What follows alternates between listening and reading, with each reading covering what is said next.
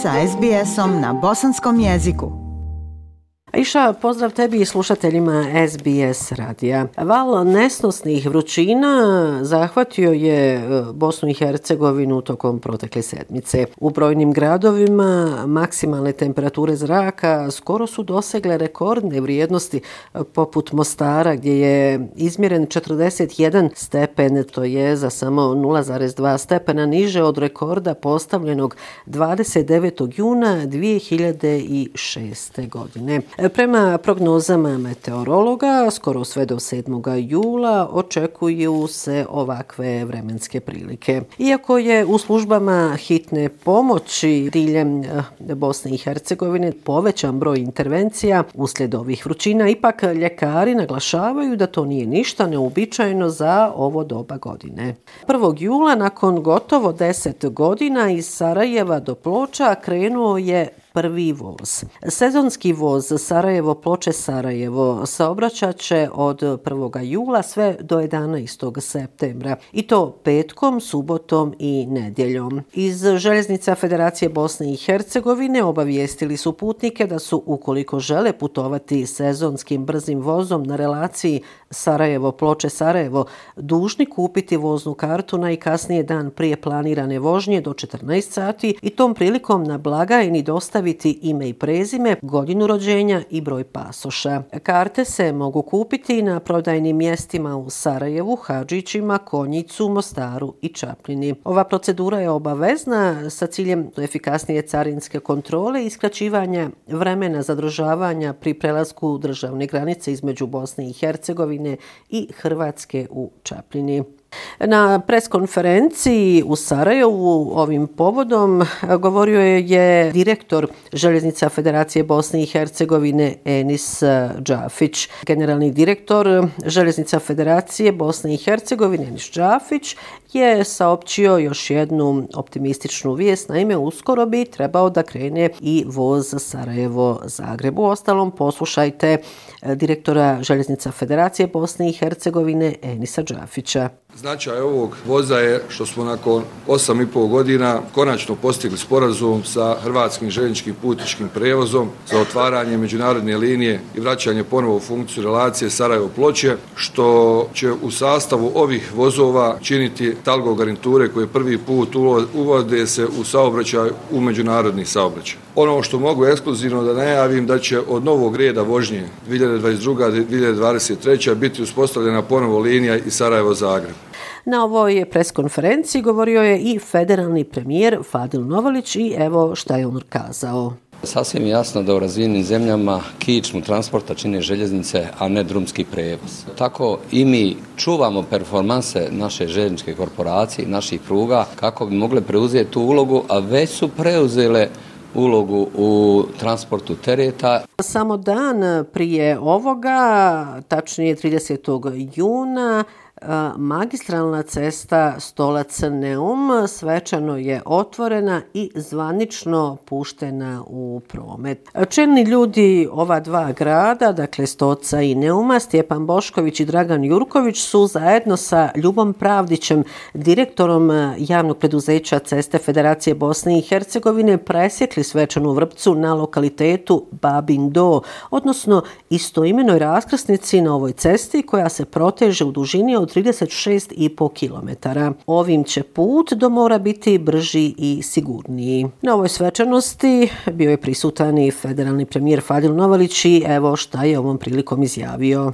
Otvaranje ceste Stolac Neum onu koju sanjamo praktično više od 100 godina. Zadnji put je ovdje, dakle, radila Austro-Ugarska, evo mi smo sad otvorili to neomsko zaleđe. Ja bih prije rekao da smo integrirali neom našoj državi, jer smo do neoma realno išli kroz publiku Hrvatsku. Na svečanosti je govorio i federalni ministar prometa i komunikacija Denis Lasić i poslušajte šta je on kazao novinarima. Mislim da je ovo jedan veliki generacijski poduhvat da puno znači žiteljima prije svega Neuma i Stoca, svima onima koji će koristiti taj put. A iša rekla sam da su bili prisutni čelni ljudi Stoca i Neuma, Stjepan Bošković i Dragan Jurković i Bošković i Jurković su podsjetili na to da je stanovništvo ova dva grada na izgradnju ceste koja ispaja, ali i koja povezuje Neum sa unutrašnjosti Bosne i Hercegovine čekali skoro četiri decenije. Evo, poslušajte načelnika općine Stolac Stjepana Boškovića, a zatim i načelnika općine Neum Dragana Jurkovića.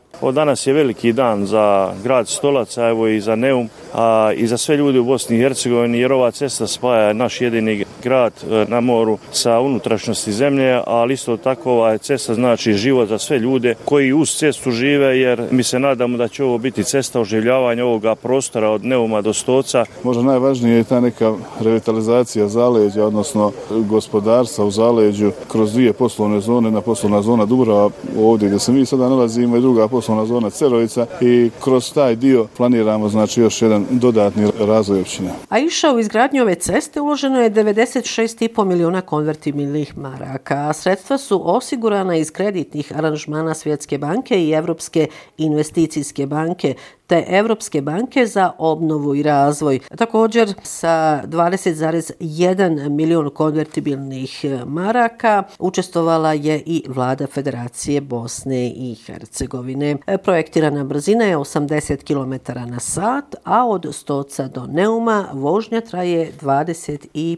minuta. E, 30. juna delegati u Domu naroda Parlamentarne skupštine Bosne i Hercegovine usvojili su zakon o budžetu institucija Bosne i Hercegovine Hercegovine i međunarodnih obaveza Bosne i Hercegovine za 2022. godinu, kojim će se između ostalog povećati plaće izabranim i imenovanim državnim zvaničnicima za ukupno 500 konvertibilnih maraka. Usvajanju ovog zakona prethodila je žestoka rasprava, međutim, vlast očito nema sluha za brige naroda koji zbog udara inflacije jedva sastavlja kraj sa krajem. Za centralne izborne komisije Bosne i Hercegovine su podsjetili da rok za podnošenje prijava za glasanje izvan Bosne i Hercegovine ističe 19. jula ove godine. Prijave za glasanje izvan Bosne i Hercegovine se dostavljaju samo elektronski putem portala e-izbori dostupnom na web stranici Centralne izborne komisije, a do sada su nalog na portalu otvorile 40.253 osobe, od čega su unos podataka završile 32.124 osobe.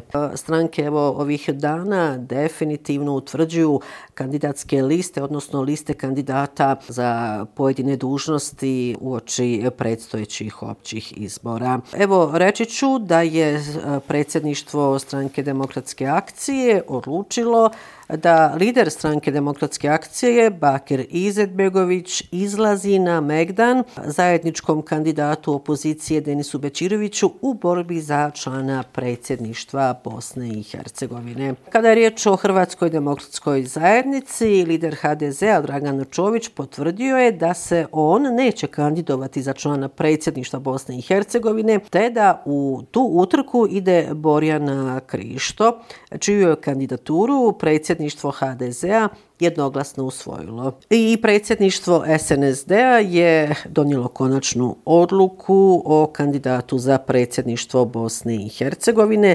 Tako će kandidat za člana predsjedništva iz reda srpskog naroda biti Željka e, Cvijanović. I eto iša, to je ujedno bila i posljednja informacija u ovom sedmičnom redovnom javljanju iz e, glavnog grada Bosne i Hercegovine iz Sarajeva. Vas još jednom pozdravlja Semra Duranović-Koso. Like, share, comment. Pratite SBS Bosnian na Facebooku.